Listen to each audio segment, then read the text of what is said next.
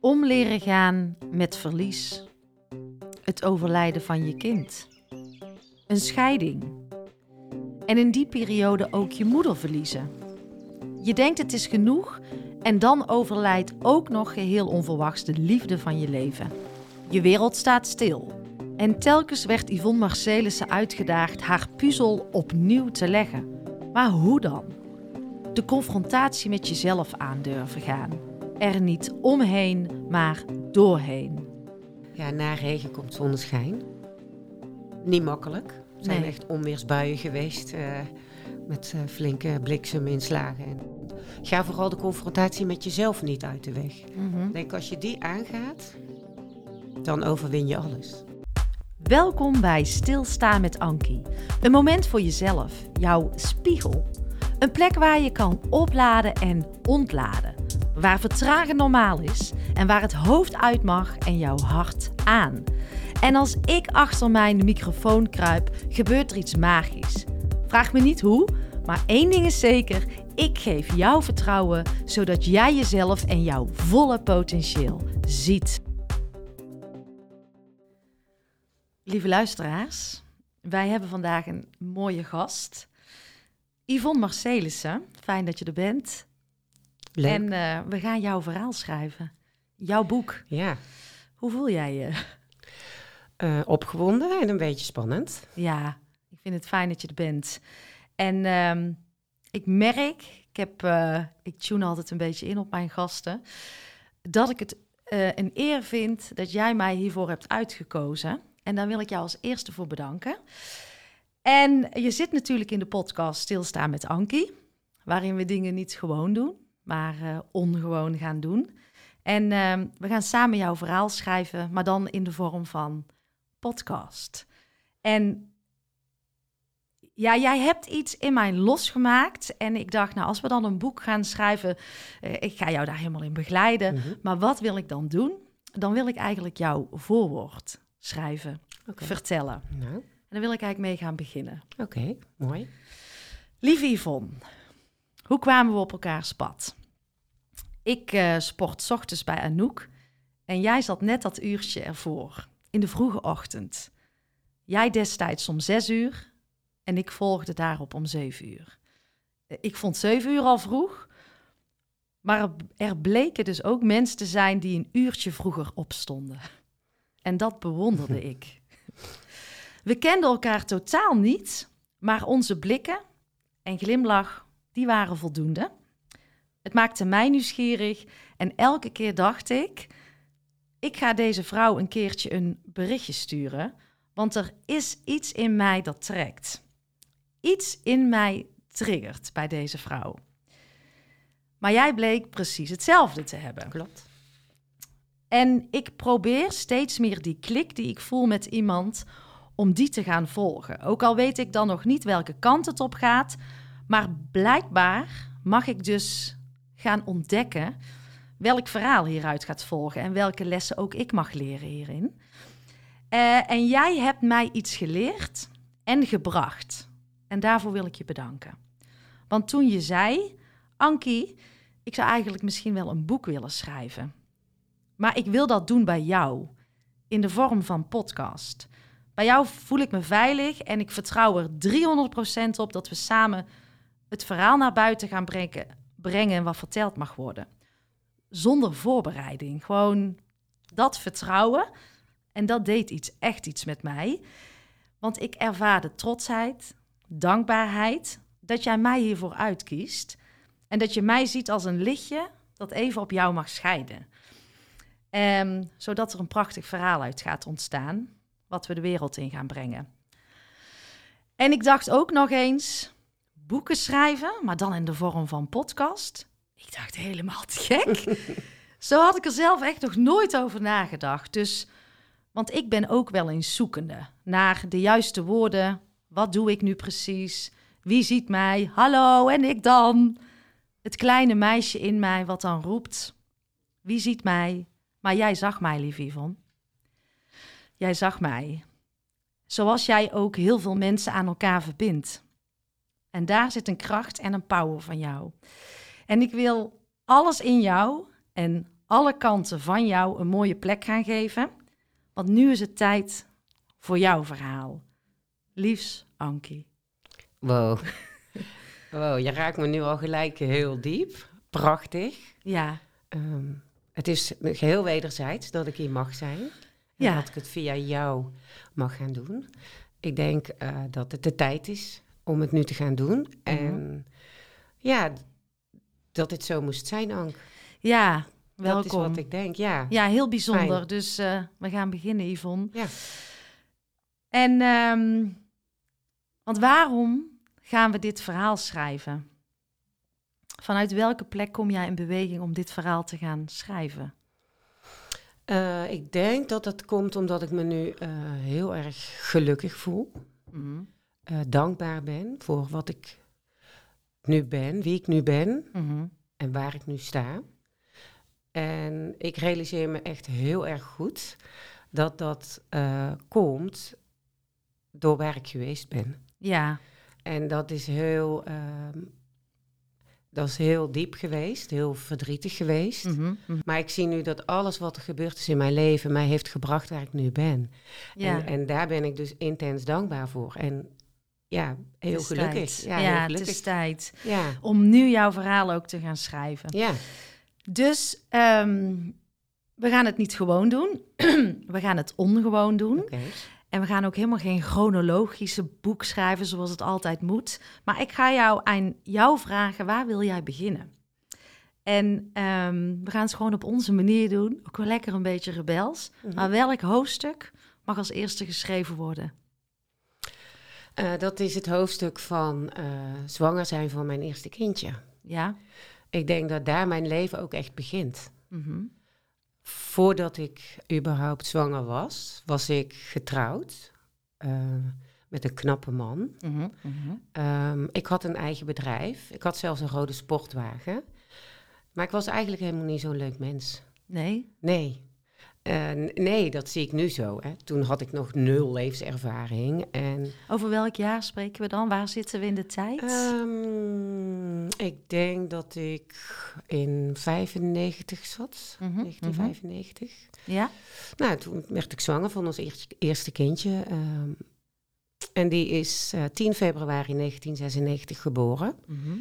En dat vond ik ehm, eh, best wel, eh, eh, als ik heel eerlijk ben, even wennen. Eh, eh, moest heel erg wennen aan een kindje in ons leven. Nee, tegen die tijd dat ik aan Jimmy gewend was, zo moet ik het zeggen, en Jimmy Mhm. aan mij, Mhm. eh, werd hij ziek. En dat was op eh, 12 oktober 1996. En ehm, chef, mijn toenmalige man, belde mij op dat hij koorts had. En ehm, eh, toen dacht ik nog van oké, jammer, want we hebben vanavond voor het eerst eh, een, een, een uitje met oppas. Mhm. Toen was Mhm. hij acht maanden oud. En ehm, dat kan dan niet doorgaan, want ik ga natuurlijk niet weg. Mhm. En ehm, nou ja, goed, hij, eh, hij, ging, hij werd ook niet beter gaandeweg de dag. En toen zijn we smiddags op zaterdag om vier uur naar de huisarts gegaan. En toen had hij al een paar kleine vlekjes waar de huisarts geen, geen goed gevoel bij had. Mhm. Zijn we met spoed naar het ziekenhuis gegaan. En daar bleek dus dat hij eh, de meningococcus had, de bacterie die dodelijk kan zijn. Wauw, ja. En nou ja, goed, een, een, een, lang verhaal kort te maken. eh, Neem je tijd, hè? het is jouw boek. Ja, misschien wil ik wel bewust dingen overslaan. eh. Gaan we niet doen. nee, oké. Nou ja, oké, dan, dan gaan we naar het ziekenhuis in Breda. Ehm, en ik lachte het nog een beetje weg. Mhm. In eerste instantie dacht ik, ah, we zijn straks weer thuis. Maar de arts pakte me vast. En die zette me met twee benen op de grond. En die zei, Yvonne, realiseer jij je wel dat je, dat je zoon doodziek is? Hij is doodziek. Mhm. En toen besefte ik dat hij dus echt ernstig ziek was. Mhm. Eh, diezelfde avond zijn we nog met spoed naar Rotterdam gegaan. En daar heeft eh, Jimmy op de intensive care gelegen. En daar werden we om tegen de nacht, rond 12 uur, door dokter Van der Voort eh, eh, op gesprek gevraagd. En die zei eigenlijk heel simpel, jullie zoon is zo ernstig ziek. Ehm, jullie hebben 48 uur, hij heeft 48 uur, dat het kritiek is. Mhm. En hij gaat dood of hij gaat niet dood. Mhm. Punt. Ja, Ja, kun je dat dan... hoe komt zoiets binnen? Ehm, ja, dat komt natuurlijk enorm hard binnen. Dat, dat, uh, daar ga je mee aan de slag en dan ga je grenzen verleggen. Dat is wat ik uh, daar nog heel erg van weet. Mhm. Ik weet niet alles meer hoor. Dat, uh, Ik denk dat je ook bewust misschien dingen niet meer weet of kan ja. Of afsluit, ook Ja. uit bescherming. Kan. Eh, dan ga je grenzen verleggen. Mhm. En dan ga, je, dan ga je genoegen nemen met steeds minder en minder. Ehm, ik weet wel dat ik op een gegeven moment dacht van nou, eh, ik ga mezelf, wat moet ik doen? Wat kan ik geven voor mezelf om hem in leven te houden? Al houden we hem alleen al levend hier. Mhm. Dus in dat opzicht ga je grens verleggen. Ja, Eh, mijn gevoel als moeder zijnde was eigenlijk eh, vanaf het begin af aan niet goed. Ehm, daarom vertrouw ik nu vanaf toen altijd op mijn intuïtie. ja. Mijn intuïtie zei, dit gaat niet goed komen.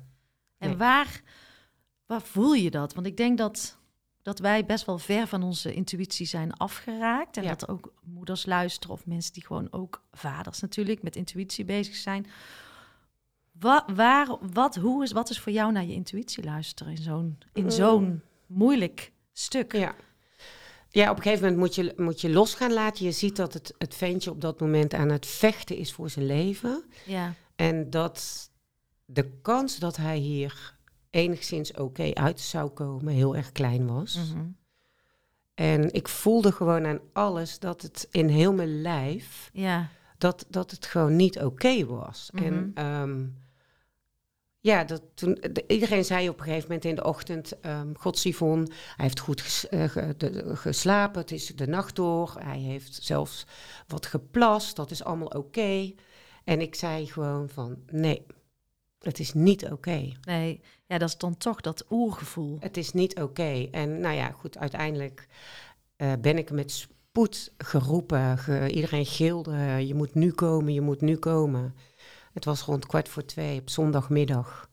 En ik werd in een stoel geduwd. Eh, waarvan ik nog dacht, ehm, gek dat ik dat nog eigenlijk weet, van oh wat aardig van die mensen dat ze een stoel voor me hebben geregeld. Dat is wat ik dacht. Ja, En ze koppelde Jimmy los van alle apparaten. En ik kreeg hem in mijn armen, zodat hij kon sterven in mijn armen. Oh, sorry. Dat... nee, hey, laat het eens lekker gaan. Ook dit is een stukje heling, hè, wat wij Ja. aan het doen zijn. Ja. Het is niet alleen eh, lessen doorgeven, maar ook hier, eh, dit mag je voelen, hè? Ja, ik kan dit verhaal heel vaak zonder emotie vertellen. Alleen nu niet, maar dat komt door jou. Daar sta ik ook helemaal niet van Geef te de kijken. schuld van nu. ik vind het fijn dat je je laat gaan. Ja. Want volgens mij mag dat eh, eruit. Ja. dus toen, eh, ja, dat was het moment. En eh, vanaf, ik denk vanaf dat moment eh, begint mijn eh, boek. ja. En dat eerste stuk gaat over jouw eh, toch prachtige zoon. Jullie prachtige Ja. zoon, moet ik ook Ja. zeggen, hè? Ja. Ja, maar dan eh, kom je ehm, in één keer zonder kindje, Kom je thuis? kom je thuis. Ja, dan Wat doet dit met, je, met jou als mens? Ja, dan ben, je, dan, dan ben je een stuk van jezelf kwijt. Dat is echt wat er gebeurt als je een kind verliest. Dan rukken ze je hart zonder verdoving uit je lijf. Mhm. En ehm, ja, dan zul je op een of andere manier een weg moeten gaan vinden. Samen of alleen. En ik denk uiteindelijk toch alleen in de zin van...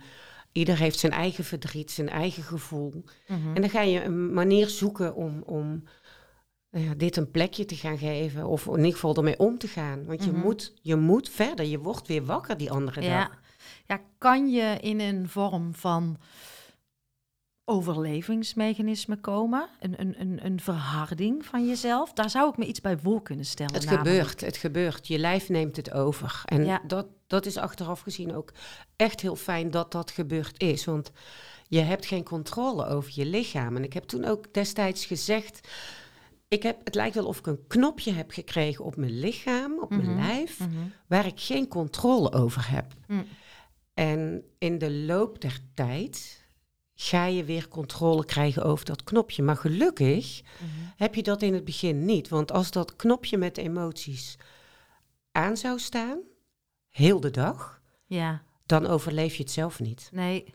nee. Dan overleef je het zelf echt niet. Want zo'n pijn innerlijke pijn heb je als je je kind verliest. Tenminste, Ja. dat is mijn ervaring. Ja, Eh, dat, dat, dan overleef je het niet. En gelukkig gaat dat knopje dan ook weer dicht, zodat je gewoon in de, eh, hoe heet die, overleefstand Ja, eh, ja, ja. kunt blijven functioneren en langzaamaan dingen weer gaat oppakken. En uiteindelijk ga je dus de controle over dat knopje krijgen. En ehm, ja je, kun je, kun je, ga je er een manier in vinden om mee te leven. Mhm. En jij eh, je had het over net over die vrouw die bleef maar even hangen met de rode sportwagen. Mhm. Maar wat doet het met je als mens? Dat je, want je zei, ik was misschien toen niet zo'n leuke vrouw. Eh, Oh ja, waarom zeg je dat? Ja, daar kan ik dus ook gelijk weer iets op terugpakken wat ik destijds meemaakte. Mhm. Ehm, ik denk als je nog nooit iets mee hebt gemaakt, dat we allemaal wel herkennen dat we makkelijk oordelen. Mhm, mhm. Iets vinden van iets. Ja, ja, ja, die herken ik zeker. En ehm, ik heb. Ik fietste naar mijn zaak destijds. En toen zag ik iemand fietsen waarvan ik eigenlijk iets vond. Ja, ja, En ik corrigeerde mezelf gelijk. ja. En toen dacht ik, Yvonne, jij ziet helemaal niet wat er op het voorhoofd van die persoon staat. Ik heb een kind verloren. Of zij zien dat bij jou ook niet. Nee, En dat was voor mij een heel erg eye-opener. En ik heb dit eigenlijk denk ik nog nooit tegen iemand verteld. wat fijn dat je het hier Ja, deelt. Inderdaad, ik, dat realiseer ik me nu dus ook. En vanaf dat moment heb ik ook bedacht van, zie, je, je, je, mensen zien aan mij niet dat ik een kind heb verloren. Dat, Mhm. En vanaf dat moment zal ik dat ook gewoon nooit meer doen. Nee. Ja, don't judge a book by its cover. Dat kwam bij mij ook naar boven toen Ja. ik over, daarover Ja. aan het nadenken was. Want we zijn zo snel in het maken van een verhaal voor een ander. Ja. En vaak, ik heb het ook opgeschreven, gebaseerd op allerlei aannames en eigen interpretaties. Om situaties maar te kunnen verklaren en ons eigen ongemak op de ander te projecteren. Klopt. En dat is iets waar we zo, waar ik ook nog wel eens in verval. Mhm. Maar wel belangrijk dat we ons daar steeds bewuster van worden, toch? Het is ook wel een stukje mens-eigen, denk ik. Ja, precies. Ehm, ja, Maar ik denk dat als je jezelf ervan bewust bent, ja. Dat is al je een al heel veel hebt bereikt. Ja. Ja, oké. Dat is al meteen een hele mooie. Ik, ehm, ik wil Jimmy ook eh, ehm, de liefde en de aandacht geven die hij verdient... voordat we naar eh, het volgende hoofdstuk gaan. Mhm. Wat ehm, zou je nog tegen Jimmy iets willen zeggen? Want ja, Ja, weet je, dat klinkt echt heel gek. En ik heb nooit bedacht dat ik eh, mezelf dat ooit zou horen zeggen. mhm. Maar kort na het overlijden van Jimmy heb ik een interview geluisterd van Monique van de Ven samen met haar man. Mhm, En zij hadden ook een zoontje verloren aan dezelfde ziekte. mhm. En zij zeiden van, ehm, het heeft ons iets gebracht. En toen dacht ik, nou, ik kan me niet voorstellen wat dit mij moet brengen, het verlies van mijn kind. Mhm. En Jimmy is de persoon die mij het meeste heeft geleerd van het leven. Dus eh, alle credits gaan naar dat mannetje. Ode aan eh, Jimmy. Absoluut, Nou, absoluut. heel warm Ja. en heel mooi. En eh, dat is ook een vraag, eh, of tenminste iets wat ik dan ook weer opgeschreven heb. En niks is toevallig in onze ontmoeting, niks. Nee, Dat eh, alles wat jou gebeurt, heeft zin. Ja. Kijk Ja. je daar ook zo naar? nu wel. Ja, Ja, ik denk wel dat ik het echt heb moeten doorleven. ja. Allemaal. Ehm, en ik snap ook dat, hè, wat ik zei, dat ik het voorheen, dat ik toen dacht, uh tuurlijk, dat, gaat, dat ga ik nooit accepteren, het, het, het, overle- het overlijden van mijn zoon. ja, Maar eh, ja, dat, dat, dat heeft voor mij wel eh, heel veel gebracht. prachtig. Ja. Ja. Ehm, door naar het volgende hoofdstuk. Welk hoofdstuk gaan we schrijven? Wat gaan we het over hebben? Ja, dan is dat het hoofdstuk, denk ik, om daar samen als man en vrouw aan uit te komen natuurlijk. Mhm. Hoe ging dat? Ja, dat is, eh, in het begin was dat heel eh, fijn om dat samen met, eh, met chef te doen. Vond ik echt heel fijn. Maar daarna ga je denk ik allebei op je eigen manier het verlies van je kind aan. Mhm. En ehm, uiteindelijk hebben we daarna nog samen twee prachtige dochters gekregen, Bo en Maxime. Zes weken na het overlijden van Jimmy was ik ook bewust zwanger van Bo. Ja? Ehm, ik zeg al eens uit de grap van... eh, dat was niet echt de liefdesbaby, maar eh, het, ze, is, ze is altijd meer dan welkom geweest. En uh, ook een heel groot cadeau, net als... Prachtige dochters heb je, ja Absoluut, zeker. allebei, ja. allebei, Bo en Maxime, beide. Um, ja, goed, en dan ga je weer bouwen. Dan ga je weer door met je leven. Mm -hmm. Zo goed als je kunt. Ja, en Jimmy zal daar natuurlijk altijd een onderdeel van zijn. altijd. Tuurlijk. Zijn verjaardag, zijn sterfdag. Dat hebben we ook altijd wel geprobeerd om dat samen te doen. Mm -hmm. Maar ja, dan komt er toch wel een groot verschil, denk ik, in het verwerken van. En ik denk als je zo intens verdriet hebt, leer elkaar heel erg goed kennen. Mm -hmm. En ik denk dat het voor ons ook wel een reden is geweest om te realiseren dat we dus gewoon eigenlijk niet meer bij elkaar. Mm -hmm. De ontwikkeling van mij en van Chef was gewoon heel anders. Ja. Dus uh, ja, toen kwam mijn scheiding eraan. En dat vond ik toch ook wel een heel uh, heftig verhaal. En vroeger dacht ik ook, oh, die gaat scheiden. Oh, Mhm. oké, okay, nou, dan zullen ze dan samen wel willen. Of... Daar had ik dus ook, Ook wel, een, ook wel een oordeel over. Ja, absoluut. Ja. Ja. Totdat ik er zelf in zat. Ik viel binnen drie weken tijd, viel ik, viel ik tien kilo af. Um, ja. ik vond het zo heftig en Ja. hectisch. En de angst voor het onbekende speelde daarin een hele grote rol voor mij. Mhm. Waar kom ik terecht? Wat gaat er met mijn kinderen gebeuren? Kan ik hier blijven wonen? ja. Dat vond ik allemaal echt heel erg heftig. Ja. Die chaos waar je dan in zit. Ja, en, maar ook het rouwproces van een scheiding, van Ja. je gezin. Je gezin is niet meer jouw gezin. Nee. En dat vond ik toch wel echt eh, heel erg. Ja, en ook mooi hoe wij dat dan allemaal zo kunnen veroordelen Ja, en projecteren. Absoluut. En kunnen zeggen van ja, jouw verhaal is minder erg dan dat van mij. Maar dan denk ik, iedereen heeft hier zijn shit. Ja, En wij hebben denk ik met elkaar daar wat meer liefdevol respect en oog voor te hebben. Zoals jij zegt, maar wij deden het allebei ook naar anderen. Ja. Maar nu ja, ga je Ja, er zelf absoluut. doorheen. Dus dat is ook wel Ja. mooi om dit door te geven, denk En ik heb hem ook nooit gerealiseerd dat het een, echt een rouwproces was. Nee? Nee, absoluut niet. Totdat je daar zelf in komt. En dat heeft tijd nodig, heel veel Mhm. tijd. Mhm. Eh, je bent zoekende, hoe ga ik dit doen met de kinderen? Je gaat verdelen, wie neemt wanneer de kinderen. En dat vond ik, dat vond ik toch ook wel eh, een, een, een echt een, eh, een hele pittige periode in mijn leven. Een Ja. zware tijd. En eh, hoe oud waren, eh, in welk jaar zitten we nu? Eh, Bo en Maxime waren zes en negen. Oh ja. Dus we waren negen jaar verder. Eh, toen, ja, toen wij hebben besloten om de stekker eruit te trekken. Ja, ja, en ik kan me zo voorstellen wat jij zegt dat dat een rouwperiode is. Van Ja. loslaten, opnieuw ontdekken, Ja. eh, de meiden eh, op jouw manier grootbrengen. En jouw ex-man doet het natuurlijk ook op zijn manier om daar weer samen je weg in te vinden. Nou, wat ik, wat ik me toen. Ik denk dat ik. eh, toen wij samen op vakantie gingen weer met als gezin. voelde ik voor het eerst na het overlijden ook weer echt die intense geluksmomentjes. Mhm. Fijn. En eh, het feit dat je dat weer kunt voelen na het overlijden van je kind is natuurlijk al een heel fijne ervaring. Dat je denkt, oh ja, fijn dat ik kan het nog voelen. Mhm, En dan blijkt dus dat dat als gezin niet meer kan. mhm. Dus ik zag mensen fietsen als gezin en dan vond ik echt, ja, daar, daar werd ik heel verdrietig van voor mezelf. Ja. En dacht, dat ga ik nooit meer meemaken. Ja. Dus in dat opzicht ga je heel veel, weer heel veel verliezen. Mhm. Was jij, ehm, kon jij jouw pijn en jouw verdriet goed uiten? Of was jij iemand die in die, eh, ja, toch wel overlevingsstand ging staan? Ik denk be- beide in mijn geval. Mhm. Mijn geluk, en ik weet niet of iedereen dat zo heeft ervaren, maar ik, ik heb natuurlijk een bedrijf waar ik heel veel mensen in ontmoet.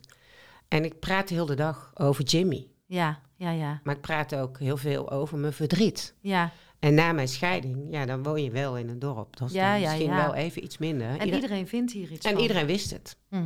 Iedereen vond er inderdaad iets van en iedereen wist het. Maar Maakte dat je kwetsbaar? enorm, Mhm. enorm kwetsbaar. Ik vond dat heel moeilijk. Ja. Durfde ook gewoon het winkelcentrum niet in. Mhm. Maar dat durfde Snap ik na ik. Jimmy ook niet. Dat vond ik moeilijk. Want iedereen kende mij, keek naar mij, vond er iets van. Dat voelde ik. En dan moet je daar weer een weg in vinden om daar weer... Ja. En was het bij jou een vorm van dat je je, eh, ja, ik, ik weet niet welke woorden, ik eh, zat daar een vorm van, oké, ik schaam me ik, of ik voel me zwakker en dat wil ik niet laten zien. Wat, wat zat daar dat jij dat zo lastig vond? Ja, ik weet niet. Daar heb ik eigenlijk nooit zo over nagedacht. Eh goeie vraag. Ehm, En je mag hier gewoon rustig nadenken en beantwoorden wat jij Ja. wil, hè? Het is jouw boek. Ik denk dat ik het... eh, dat klinkt misschien voor sommigen heel gek. Mhm. Met een zachte G hoor ik mezelf zeggen. Ehm, ik denk dat ik het in de picture staan gewoon niet fijn vind.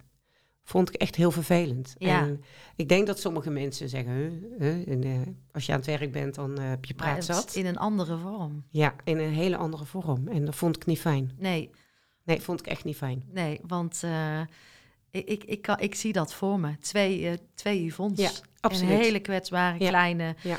eh, verdrietige Yvonne. En Yvonne die daar wel iets meer de touwtjes in Ja. handen had in de zaak. Ja. ja. Dus dat, is ook lastig, ja, hè? vond ik heel lastig. Ja. absoluut. En super confronterend.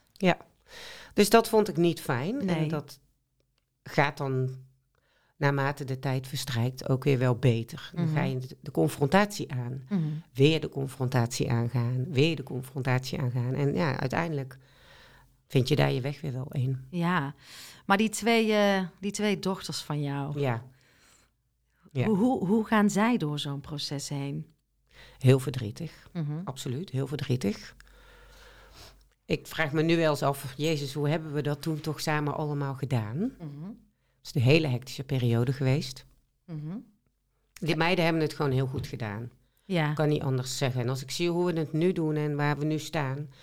met- van de week toevallig een heel erg fijne eh, avond gehad.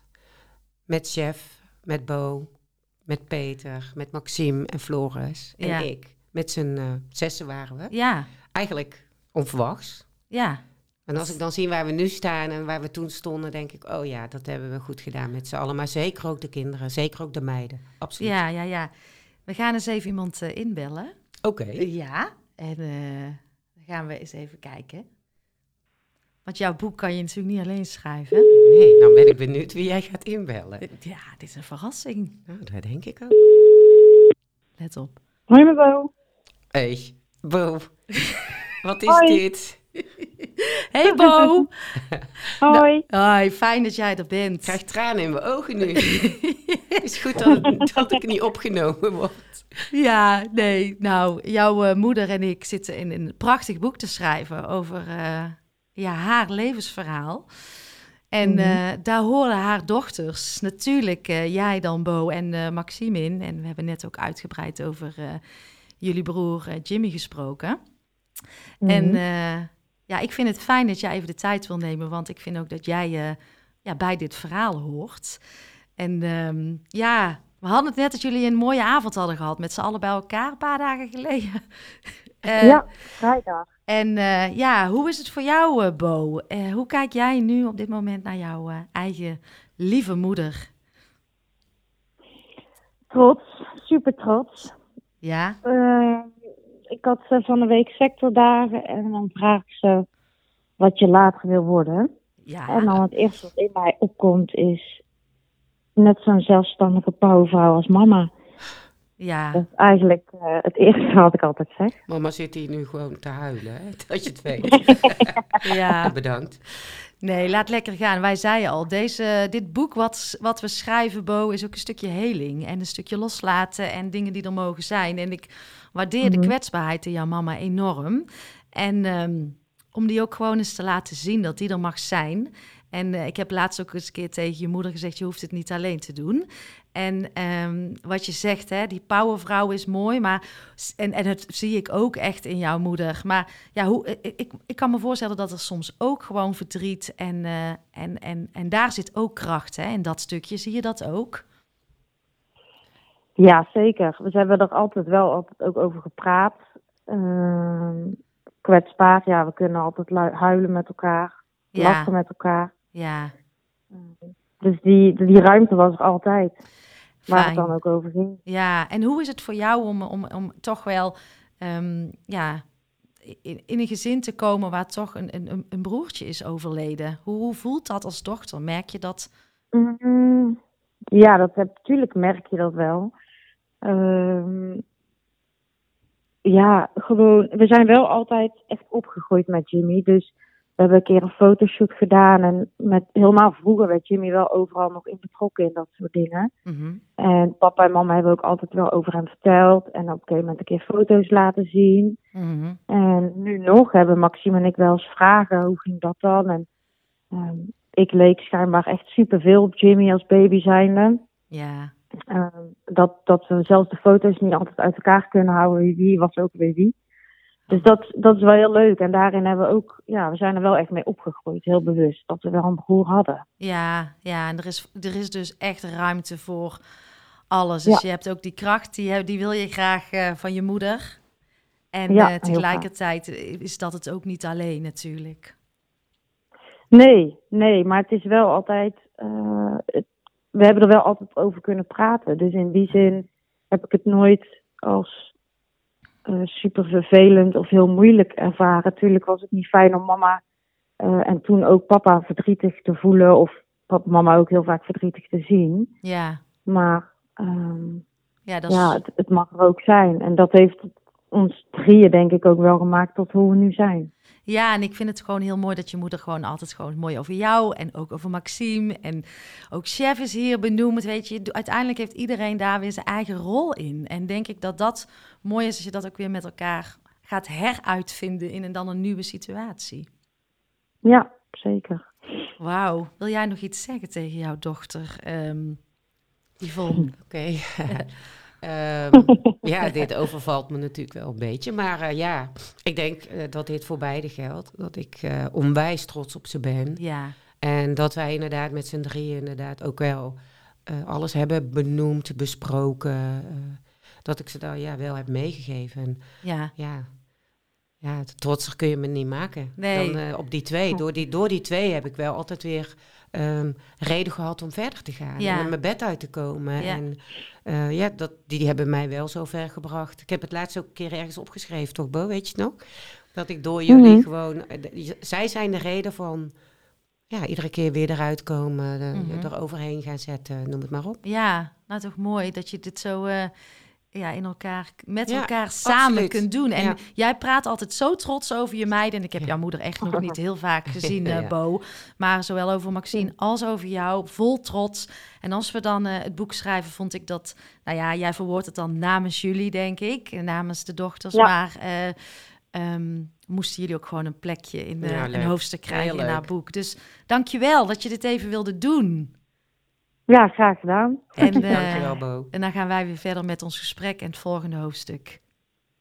Dankjewel. Ja, helemaal goed. Oké, helemaal goed. dankjewel. Doei, doei. Hoi, hoi, Doei. hoi, hoi.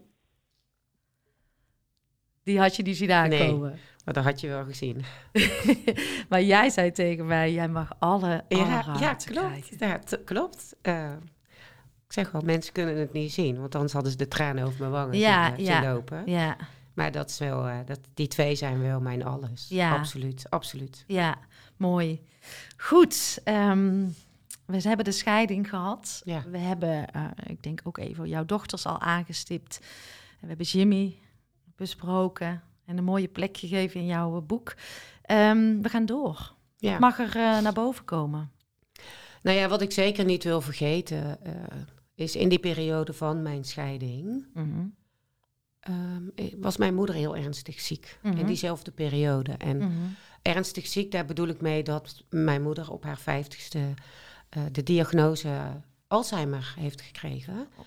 Dus dan ben je zelf ook nog heel jong. Mhm. En, eh, dat, ja, dat is natuurlijk verschrikkelijk jong Mhm. als je die diagnose krijgt. En toen ik zwanger van Jimmy was, toen wisten we al dat ze dat had. Mhm. Dus zij heeft eh, die hele fase van het overlijden, heeft zij er ook niet kunnen zijn voor mij. Zoals je eigenlijk hoopt dat je moeder er dan is voor je. Zeker in zo'n periode, Ja, ja. ja. ja. En dat, dat was wel ook een hele heftige tijd. ja. En daarna, eh, eh, zo rond de scheiding, is mijn moeder ook overleden. Mm. Eigenlijk op het moment dat je, als Ja. ik hem voor mezelf Ja. in mag vullen, toen ik kinderen kreeg, was eigenlijk een periode dat ik mijn moeder heel hard Ja, nodig klopt. had. Klopt. Ja, dat, en dat is iets wat ik eh, ook achteraf wel eens bedenk van jeetje van, dat was er ook nog. Mhm. En het is niet ook nog, want het was mijn moeder. Mhm. En het was een hele lieve moeder. Mhm. die uh, dolgraag uh, met volle 100% als oma was gaan genieten. Ja. En dat kon ze niet meer. Dus dat vond ik ook wel heel erg jammer en moeilijk. De meiden hebben haar niet meer zo goed gekend, niet zo Mhm. goed meegekregen. Maar eh, ja, zij is in 2006 overleden. Mhm, Precies mhm. het jaar van mijn scheiding eigenlijk. Dus dat wil ik zeker niet eh, vergeten of overslaan. want Nee. dat stukje hoort er zeker bij. Die heb ik enorm gemist in het verdriet eh, eh, van Jimmy, maar ook van mijn scheiding heb ik mijn moeder enorm Ja, gemist. tuurlijk. Ja, Dus, ik denk dat we nu misschien op een leeftijd gaan komen dat ik wel eens zeg, ik kan mezelf wel dragen. Ja. Maar die periode is essentieel. Ja. En eh, ja, gewoon even die momentjes als je een kind krijgt is super intens. En ik denk dat we dat wordt ook nooit over gesproken. Het is soms echt heel moeilijk ja. en niet altijd leuk of fijn. Eh, Nee, nee. En dan heb je je moeder. Dan is het fijn als je, als je eh, vragen kunt stellen. Of mam, hoe doe jij dit? Of hoe deed jij dat? Of, ja, dat is fijn. Of een pan soep. Ja, precies. Of een pan soep. Of inderdaad, ik, ik Ja. weet nog dat zij, eh, als ik dan terugkwam van vakantie, waren, we, waren, waren mijn kasten schoongemaakt. Ik dacht, Dat. oh mam, kasten schoonmaken, dat deed ik nooit. nu inmiddels wel, maar Ja. toen niet. Weet je, dat ja, soort ja. Simpele, Die kleine fijne dingen. dingetjes. Ja, Ja. ja, die, en die, die kon ik al heel snel niet meer met haar delen. Dus Ja. ja, dat eh, wil ik zeker niet vergeten. In, Ja. eh, Nou, volgens mij krijgt jouw moeder, hoe heet eh, jouw moeder? Mijn moeder heette zus. Is het zus ook een mooie plek krijgt in jouw verhaal. Ja. Zijn er dingen... ehm, ik denk dat het, het nest waaruit we komen, dat dat ook ons maakt wie we zijn. En soms hoor je ook wel dat dingen worden doorgegeven. Herken je jezelf in je moeder? Ja. Op wat voor Ja. eh, punten? Ja, ik, ik herken mijn zorgzaamheid heel erg in mijn moeder. Mhm. Ehm, dat vind ik fijn, daar word ik blij van. Ik zorg Mhm. graag voor anderen, ik maak graag andere mensen blij. En ja, dat, dat, dat stukje herken ik heel erg in mezelf. Ik herken natuurlijk ook wel delen van, van mijn vader, want je bent een combinatie van twee en Tuurlijk. uiteindelijk ben je jezelf. Ja, Eh, maar dat, dat zie je wel terug. kneuterige van, van wat je eigenlijk wil als kind, Ja, ik denk dat ik dat ook wel heb geprobeerd om dat over te brengen op mijn kinderen. Dus een Ja. hele fijne eh, Sinterklaas, eh, overdreven cadeaus, fijne avonden. Dat, dat heb ik wel echt overgebracht. eh, weer van mijn moeder naar mijn kinderen. Zeg ja maar. nou fantastisch. Doe je hartstikke goed. Zijn we klaar voor het volgende hoofdstuk? ja. Ben jij er ook klaar voor? Ik, ik, ik ben er helemaal klaar voor. Nee, ik, ja, het, eh, het klinkt echt bizar wat ik allemaal te vertellen heb. Realiseer ik me nu zelf dus ook. Als ik dus echt alles achter elkaar opnoem. Nou ja, goed. Eh, na mijn scheiding ehm, heb je, pro- pro- probeer je weer een weg te vinden in, eh, in een nieuw leven. Weer een nieuw 360 graden anders. Mhm. Ga je daar weer een manier in vinden. mhm. En ehm, ja, er kwam bij mij eh, op, op de zaak altijd een, eh, een hele leuke man. Mhm. En die heette Rolf. Ja. En eh, ja, dat- het was gewoon een enorme klik tussen ons. Wij hebben, we hadden ontzettend veel humor samen, goede gesprekken samen. En hij kwam bij mij als accountmanager van een merk. En ja, we klikten gewoon enorm. En mm, ja, bij mij is er nooit de vraag opgekomen van dat ik hem als eventuele liefdespartner zou, eh, zou zien. Mhm. Mijn medewerkers hadden al wel heel vaak zoiets van, nou, is dat geen leuke vent voor jou, Von? Ik zei, nee, nee, dat kan echt niet. eh, Mhm. Dat kan echt niet. Nou ja, uiteindelijk ehm, ging Rolf weg bij eh, zijn leverancier, bij de leverancier die, die voor ons leverde. Mhm. En eh, hebben we een keer eh, afgesproken, omdat we toch wel heel erg elkaar misten in die klik die we hadden. Ja, ja, ja. Nou ja, goed, we hebben een keer geluncht samen. En eh, al snel kwam de aap uit de mouw dat Rolf toch wel heel veel gevoelens voor mij had. Mhm. En toen ben ik echt in eerste instantie heel boos geworden van wat doe jij? Dat, dat, dat kan niet. Nee, Dat kan niet, want hij was getrouwd. oké. En dat, dat ging ook niet. Mhm. Dat zou voor mij no- een no-go zijn. Dat was ook een no-go voor mij. En dat hebben we ook echt eh, geprobeerd vol te houden. Mhm. Toen hebben we ook echt gezegd van, joh, dat gaan we niet doen. Jij gaat eerst maar eens lekker kijken wat je thuis allemaal nog wel en niet kan eh, halen. En dat is een no-go. En uiteindelijk, na een jaar, eh, belde hij me op. En toen zei hij van, ja, ik, Ik ga weg. ja ik, ik wil naar jou. Ja. En Ja. daar schrok ik heel erg van. Ja. De- ik dacht, wil ik dit? Mhm. Kan ik dit? Eh, ik was niet blij en ik was aan de andere kant ook heel blij. Want ja, Rolf en ik hadden wel echt... eh, ja, het was toch wel echt de liefde voor mijn leven. eh, Kwam, Ja. ik, kwam ik achter. Ja, Dus toen zijn we rustig aan erin gestapt samen. En heel voorzichtig zijn we, zijn we, ja, we zijn een beetje gaan daten in het begin. En ja, we hebben jaar hebben we dat gedaan. En het was echt super, super fantastisch. Mhm. En toen zijn we gaan samenwonen. Dat vond ik ook heel moeilijk. ja. eh, want Rolf kwam bij ons wonen in, eh, in Rijen. Mhm. En eh, dat is ook wel weer een nieuwe puzzel die je gaat leggen Ja. samen van hoe gaan we dat doen? ja. Dat vonden we ook allebei heel erg moeilijk. Rolf heeft een zoon. En die kwam dan om het weekend naar ons. Dus dat was gewoon ook weer wennen voor, voor, voor Ja. zijn zoon, voor mijn meiden, voor mij. Voor... tuurlijk. Het was gewoon een gepuzzel. Ja. Ja. Maar, maar onze liefde was wel heel erg sterk. En ik Mhm. weet ook zeker dat we het hadden gered samen. Mhm. Tot ik, dat ik op die ene dag gebeld werd. Eh, op vrijdagmiddag om één uur, ik weet het nog precies. Eh, dat eh, ja, Rolf werd gereanimeerd. En toen dacht ik, dit is geen grapje. Nee. En Nee. ik dacht echt dat het in eerste instantie zijn, zijn zwager belde op. Zijn eh, humor was wel eens eh, een beetje zwart. Ja, ja, ja. Eh, dus ik, maar ik zei gelijk, dit is geen grapje. Toen zei hij, nee, dit is geen grapje. En tijdens een fietstocht van Rijen naar Domburg is Rolf, heeft Rolf hartstilstand gekregen en is vrijdagmiddag om één uur plotseling overleden. Jeetje. Ja, en dan staat die wereld weer stil. Anouk, Mhm. of Anouk, Hank, Hank. Nee, dan mag jij gewoon Ja, zeggen, want ik hou ook van ja, Anouk. ja, ik ook. Bij deze Anouk. Ja. Eh, maar goed, ja, dan eh, ja, staat je wereld weer stil. Mhm. Jee, eh, Ja. en uit het niks, hebben we altijd gezond geweest in één keer of Ja, achteraf. v- ja, voor mij was die altijd gezond. Bij mij Mhm. was die altijd gezond, achteraf gezien.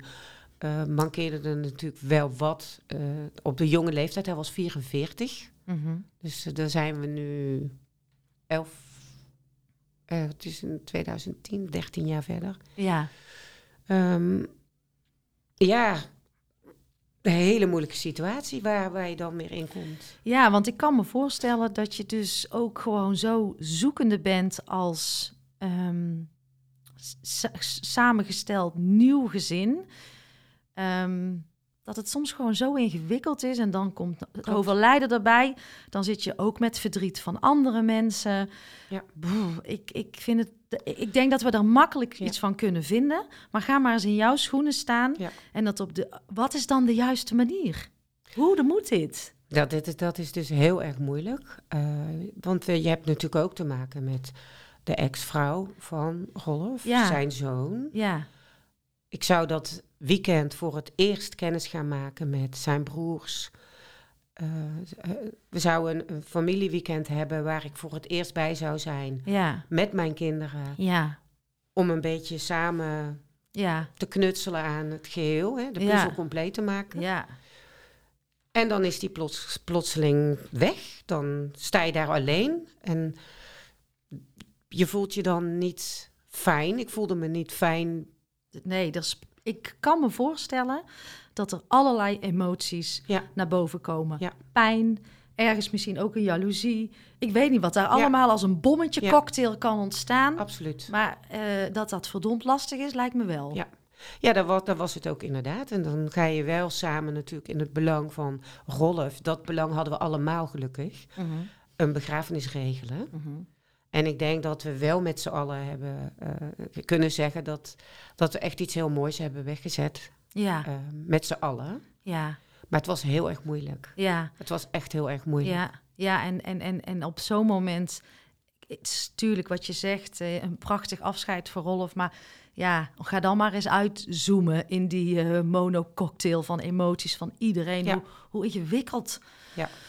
Oh, en ook daar zijn vast weer 80 oordelen over Ja, geweest. ja maar denk goed, ik in ieder geval. Als, als dat, dat was ook zo. En ieder zocht daar zijn eigen, had daar zijn eigen weg in. Mhm. En ik denk dat het op dat moment ook goed is geweest om, eh, en in mijn geval praat ik even over mezelf, me terug te trekken uit heel veel dingen. En Mhm. nu echt met mezelf alleen aan de gang te gaan en Bo en Maxime. Mhm. Want Rolf heeft, had bij ons gewoond en wij moesten hier met z'n drieën wel een manier in vinden. Ja, dat, dat moesten we ook met z'n drieën doen. En Ja. Rolf was natuurlijk niet de vader van Bo en Maxime, Nee. maar wel mijn grote liefde. Ja, ja, ja, ja. Dus dat was ook weer een hele klus om daar eh, ja, samen een manier in te vinden. En in, en in welk jaar is Rolf overleden? in 2010. Ik eh, wil je nog ergens naar laten luisteren.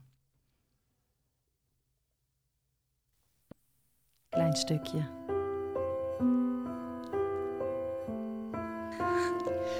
Potverdorie. Je gaat helen. Dat ga je doen. Mag maar een klein Stop stukje. de tijd. Ik wil niet dat vanavond straks weer morgen wordt. Dat dit moment ooit tot een ver verleden hoort. Ik wil het nooit meer kwijt. Tijd.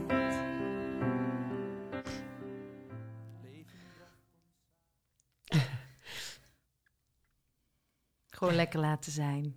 Ik had eh, aan jouw dochters gevraagd van... Is er één nummer wat ik mag eh, draaien? Toen zei ik meteen, stop de tijd. En ik denk, je zit ook in stilstaan met Ankie. Ja. En soms moeten we de tijd ook even stilzetten. Om Ja. niet altijd maar door te gaan. Ja, dit was een nummer wat ehm, hij als cd'tje onder mijn ruitwisser stopte.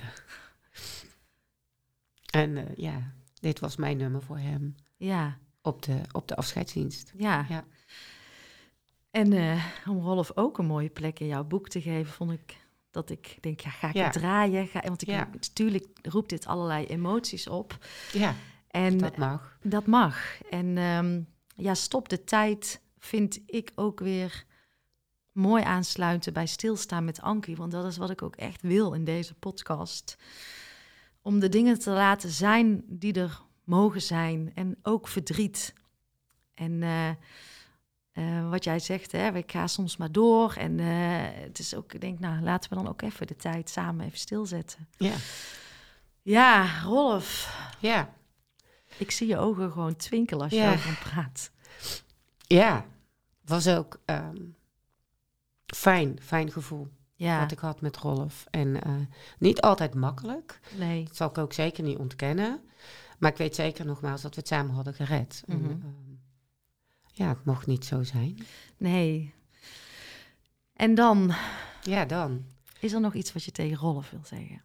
Ja, ook Rolf is een van die eh, personen in mijn leven waar ik echt vooral veel over mezelf heb geleerd.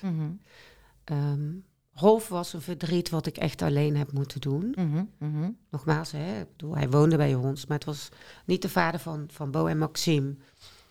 Nog niet echt in mijn vriendenkring eh, geïntroduceerd. Dus wij waren heel erg met z'n tweeën. Ja. Dus ik was heel erg alleen in mijn verdriet. mhm. Dus ja, dat stukje eh, heeft mij heel veel over mezelf geleerd. Ja. Wie, ik, wie ik was en eh, wat, wat ik deed en hoe ik dit deed. Ja, dat kan ik wel zeggen over eh, Rolf. Ja. ja, dat is toch ook heel mooi dat je Ja. daar ook zo naar kan kijken. ja. Maar dan gaan we naar, eh, ja, toch ook weer het, het, het volgende hoofdstuk. Dus ja, Rolf, dank je wel. Ja, Ook voor hem een Ja. hele bijzondere plek ja. in jouw boek. Ja. Dan gaan we door. Hoe ziet dat leven eruit daarna? De eerste vier jaar eh, na het overlijden van Rolf heb ik, zeg ik wel eens, onder een steen geleefd. Mhm. Zagen mensen dat altijd? Nee, dat denk ik niet. Ehm, ik had geen keuze in de zin van, eh, ik kon niet in de ziektewet, want ik had mijn eigen bedrijf. Mhm, Dus ik moest gewoon gaan werken, anders had ik geen inkomsten. mhm. Dat had ik na ieder verlies. Ja. Eh, dat heeft me ook wel veel gebracht. Want ja, moest gewoon gaan werken. mhm. En had je dat, zou je dat met de kennis van nu anders hebben gedaan? Nee, nee. Maar in mijn geval kon ik ook met heel veel mensen praten over mijn verdriet. En ik denk dat dat mij ook heel veel heeft gebracht. Mhm. Ik zou dat zo weer gedaan hebben. Oké, ja, ja, ja. Ja. Dus ehm, We dwaalden even af. Nee, jij was aan het vertellen de periode daarna. Dus dat je bent Oh gaan ja, werken. ja. En, eh, en dat, dat heeft je dus enorm geholpen. Ik vroeg, zou je dat anders eh, gedaan hebben met de kennis van nu? Daar ben je duidelijk over. Ehm, en toen ben ik vier jaar onder die steen gaan zitten voor mijn gevoel. Zo, zo zie ik dat. Mhm, Ehm, en en eh, ben ik veel gaan reizen met Bo en Maxime. mhm. Ik heb de gekste impulsieve acties gedaan. Ik ben in één keer naar Mexico gevlogen in plaats van... waar gingen we naartoe? Naar Spanje of, of Italië zouden we gaan, ja. Ja, Dus ik zei, nee, we gaan naar Mexico. Nou, dan zat ik in Mexico. Eh, ja, heel, heel bijzonder, alleen met Bo en Maxime. En daar gebeurde ook wel iets moois. En dat wil ik toch ook wel even benoemen, want die horen zeker in mijn eh, boek thuis. ja, ja. Ehm, ik ben daarheen gevlogen, eh, dat is vrij kort na het overlijden van Rolf, met Bo en Maxime. En toen zei mijn broer al wel van, ehm, wat ga je nou daar allemaal in Mexico doen? Je kan toch ook gewoon eh, naar Spanje gaan of zo? En toen dacht ik, laat mij nou maar. Mhm. En ehm, het was zwaar in Mexico. En daarin had ik het ook onderschat. En je, je verliest je partner en je gaat een leuke vakantie hebben in Mexico. No, no way. No way, José. dat is heel ambitieus, maar Ja. dat, dat, dat kan natuurlijk niet.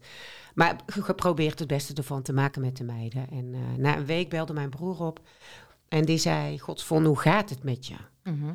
Nou, toen moest ik natuurlijk huilen. En ik zat die ochtend op mijn balkon ehm, in, eh, in het zonnetje koffie te drinken. En De meiden lagen nog in bed, omdat we die dag daarvoor een excursie hadden gehad. Ik zat te lezen en ik zei, ja, ik vind het wel pittig. Hij zegt, nou, ik ben maar blij dat je gegaan bent, want het is heel slecht weer in Nederland. En eh, als je thuis komt, dan gaan we een mooi feestje geven voor jou en de meiden. En zeg, dat is goed. En, eh, nou, nog een week en dan ben je weer thuis. Dus ik hang op en eh, ja, ik, ik herpak mezelf en dan noem ik mezelf Marcelissen. En zeg kom Marcelissen en door. Mhm. En ik pak mijn boek en toen hoorde ik iemand goedemorgen zeggen. En toen keek ik naar beneden en toen stond daar mijn broer met zijn meiden. En toen dacht ik, nee, dat kan niet. En nu word ik weer emotioneel. Laat het gaan. Lekker. En er was mijn broer. Mhm. En hij was daar voor jou. Hij is er altijd. En daarin voel je je enorm gesteund. Ja. En ook door zijn vrouw, Ja. Anjelka. ja. Ja. Zij zijn er altijd geweest. Dat is toch mooi dat, Ja, dat hier dus ook even het hoofdstuk van jouw broer ja mag zijn. absoluut. Ja. Want zonder hem, eh, hij, heeft, hij was er op de juiste momenten, altijd. Ja, dat is ook een gave, hè? Ja, absoluut. Oh. Dus die wil ik zeker even meenemen in eh, dit hoofdstuk, sorry. Hoe heet jouw broer? Rob. Rob. Ja. Staat ook hier nu in hoofdstuk, is voor jou geschreven. Ja. Ja, ik denk dat dat super fijn is en dat we misschien soms wel ehm, onvoldoende beseffen welke mensen in ons leven echte, echte vrienden, echte familie zijn. Ja. Die zijn op één hand te tellen, die er voor je zijn in dik en dun. Ehm, soms willen we zoveel. En terwijl less is more, we stonden er net nog naar Ja, te kijken. ja. Nou ja, ik denk ook wel gaandeweg, eh je, je ouder wordt, word je selectief. Ja, in het, eh, het groepje mensen wat je om je heen hebt, wordt denk ik iets kleiner. ja. en intenser. En, Ja. eh, denk ik wel dat gebeurt. En nou, Rob en Anielka zijn zeker een deel van mijn leven. Wel, ja, door dik en dun. Absoluut. Ja, Dus, maar goed, hij was daar eh, in Mexico. En dat is achteraf een hele mooie vakantie geworden. Eh, met z'n zessen waren we daar. gaaf Dus- zeg. En zo ben ik meer gaan reizen en eh, met de Bo en Maxime allerlei tripjes gemaakt. Mhm. Om weer onder die steen vandaan te komen. Ja, En dat is me gelukt. Ik ben ook gaan, hard gaan werken. Dat is wel iets wat typisch is voor mij. Na een verlies ga ik hard werken. mhm. Misschien een stukje wat ik nodig heb om het te verwerken. kan. Ga ik ja. hard werken. ja, weet jij zelf het beste. Ja. En ehm, ja, dat heeft me gebracht eh, waar ik nu sta. Ja, wauw. En kijk, ik wil ook wel voor de luisteraars toch wel... ehm, wij zijn hier een boek aan het schrijven en jij benoemt bepaalde personen. En er zullen altijd mensen zijn die dan denken... ja, ze benoemden mij niet. Maar Oh ja. ik zou die personen willen uitnodigen om daartegen te zeggen... Omdat ik weet dat het zo werkt. De liefde zit er echt wel. Maar misschien is het dan nu even niet naar boven gekomen. Of, of was dit niet het moment. Maar het, het, heeft daar helemaal niks mee te maken. Voel die afwijzing. Wij, wij voelen ook zo snel onszelf afgewezen als het ik, ik herken het nog wel eens in een praatje als je dan niet genoemd wordt. Dat je denkt, ah ja, ze heeft mij niet benoemd. Maar daar gaat het niet nee, om. Nee, dat dus, is niet mijn bedoeling. Nee, dat wil ik ook wel even geven. Ja, is goed van jou. Voor de, voor de luisteraars, weet je, pak de liefde die je voelt, die is er. Ja. Ook al is je naam misschien niet uh, genoemd. Want je kan niet compleet zijn. Gaat nee, gewoon nee, niet. Nee, maar, en, hier ontstaat iets wat hier mag ontstaan. Dus dat is ook wel iets uh, waarom we toch vaak die afwijzing onszelf voelen. Dat voel ik, vind ik een interessant, want die heb ik ook wel. Herken jij dat trouwens? Ja, ja, dat klopt wat je zegt. Uh, maar ik denk als je uh, met jezelf in gesprek gaat daarover, waarom je dat voelt, ja. dan kom je meestal wel achter het antwoord. Ja, ja dat is eigenlijk ook een hele mooie tip. Ja. Lieve Yvonne, um, volgens mij kunnen wij, ik ga het toch vragen, jij wat er oppopt, hè? Mm -hmm. uh, wij zijn al lekker aardig onderweg, al, overal is ruimte voor, laat mm -hmm. ik dat voorop stellen. Maar misschien uh, uh, toch wel richting het slotwoord gaan. Want jij zei ook wel in het begin, ja, waarom is nu het moment? Je zegt, ik sta nu om, op het punt om het verhaal te schrijven en om het ook meer te vertellen. Mm -hmm. ik vind het super kwetsbaar wat je hier doet. En uh, ik heb daar enorm veel bewondering voor. Um, wat jij hier zit te vertellen, de manier waarop. Dus dat wil ik ook wel even tegen jou zeggen. En, en ja, de een kan zeggen, dit is erg, dat is erg, dit is jouw verhaal. Ja. Het gaat niet over of iets erg is of minder erg. Maar wat heb jij... Ik zeg altijd, dat was laatst ook met een andere podcastgast... die zei, je kan het pas houden als je iets door wil geven. Wat zou jij um, door willen geven aan onze luisteraars... als we richting het nawoord al mogen gaan? En anders mag jij gewoon nog even een hoofdstuk inlassen. Nou ja, dat is heel grappig wat je net... Uh, ik had net Maxime nog even aan de lijn uh, voordat ik naar jou toe kwam. En uh, ja, na regen komt zonneschijn. Ja. Dat, dat ik dat... ja, dat, daar hadden we het dus net over. En we zeiden het verkeerd, daarom moesten we lachen. Maar dat is het eerste wat in me opkomt. Ja. Ik denk dat dat voor mij zeker geldt. Um, niet makkelijk. Er zijn Nee. echt onweersbuien geweest met uh, flinke blikseminslagen en dergelijke. Maar na regen komt altijd wel de zonneschijn. En ga vooral de confrontatie met jezelf niet uit de weg. Mm -hmm. Ik denk als je die aangaat, dan overwin je alles. Ja. Denk ik. En, en ik denk dat dat heel mooi gezegd is. En met alle kennis van nu, is er dan nog iets wat je je jongeren zelf nu zou willen meegeven?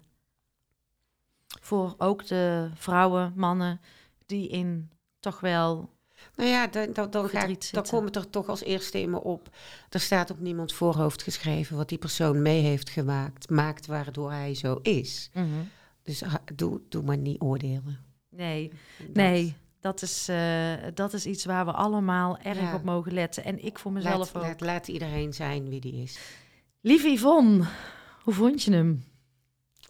Ja, ik vond het eigenlijk uh, wel heel ontspannen met jou. Ja. En makkelijk om het tegen jou te vertellen. Ja, en ik vond het fijn dat jij jou, ja, dat je jezelf veilig voelde en openstelde. Ja. En uh, ik, ik, vind het een prachtig, mooi gesprek, open, eerlijk. En ik hoop echt dat onze luisteraars daar hun eigen levenslessen weer en ook een stukje kracht uit kunnen ja. halen. Ja. En ja, wat ik nog steeds zeg, volgens mij liggen er voor jou ook, ja, kansen. Ik weet niet, jij weet mensen bij elkaar te brengen het pad wat jij hebt bewandeld nu, ja, iets in mij zegt dat je daar iets mee moet gaan doen. En ik weet helemaal niet wat, maar dat is wat ik nog tegen je wil zeggen. Ja, wie weet wat er nog op mijn pad komt. ja. Laten we daar gewoon ook uh, het hoe loslaten en uh, wat mag ontstaan, ontstaat. Oh, heel goed. Dank je wel voor jouw uh, prachtige bijdrage en het fijne gesprek. Fijn dat ik hier mocht zijn, Ankie. Dank je. Dank je wel. Na regen komt zonneschijn. And don't judge a book by its cover. Je verhaal de wereld inbrengen, kwetsbaar durven zijn, zichtbaar worden. Dat vraagt om moed. En delen is helen. Door jouw verhaal te delen kan je ook weer iemand anders kracht en power geven en in beweging zetten. Lieve Yvonne, dank voor jouw verhaal en het doorgeven. Lieve jij. Dankjewel voor het luisteren en dankjewel voor jouw oprechte tijd en aandacht. En hoe meer mensen ik kan gaan bereiken, hoe beter. Want ik geloof zo sterk in die ripple. En jouw bijdrage, jouw steun is natuurlijk welkom. Altijd fijn. Doneren kan je doen via mijn site. En je vindt ook een link in de show notes. Of ben je al geabonneerd op mijn podcastkanaal? Altijd even doen, want dan ontvang jij als eerste de nieuwste afleveringen. Maar ook jouw review is fijn om te ontvangen. Fijn als je deze podcast wilt delen in jouw eigen netwerk. En ga je nou helemaal aan op alle thema's die voorbij komen op dit uh, kanaal? Kijk dan eens rond op mijn website, want misschien mag ik iets voor jou betekenen of voor jouw organisatie. En wil je met podcast aan de slag, dan uh, weet je mij ook te vinden. Op mijn website www.ankievansteen.nl ga je alles vinden over mijn aanbod en ik zou het leuk vinden om een keertje kennis te maken. Tot de volgende podcast.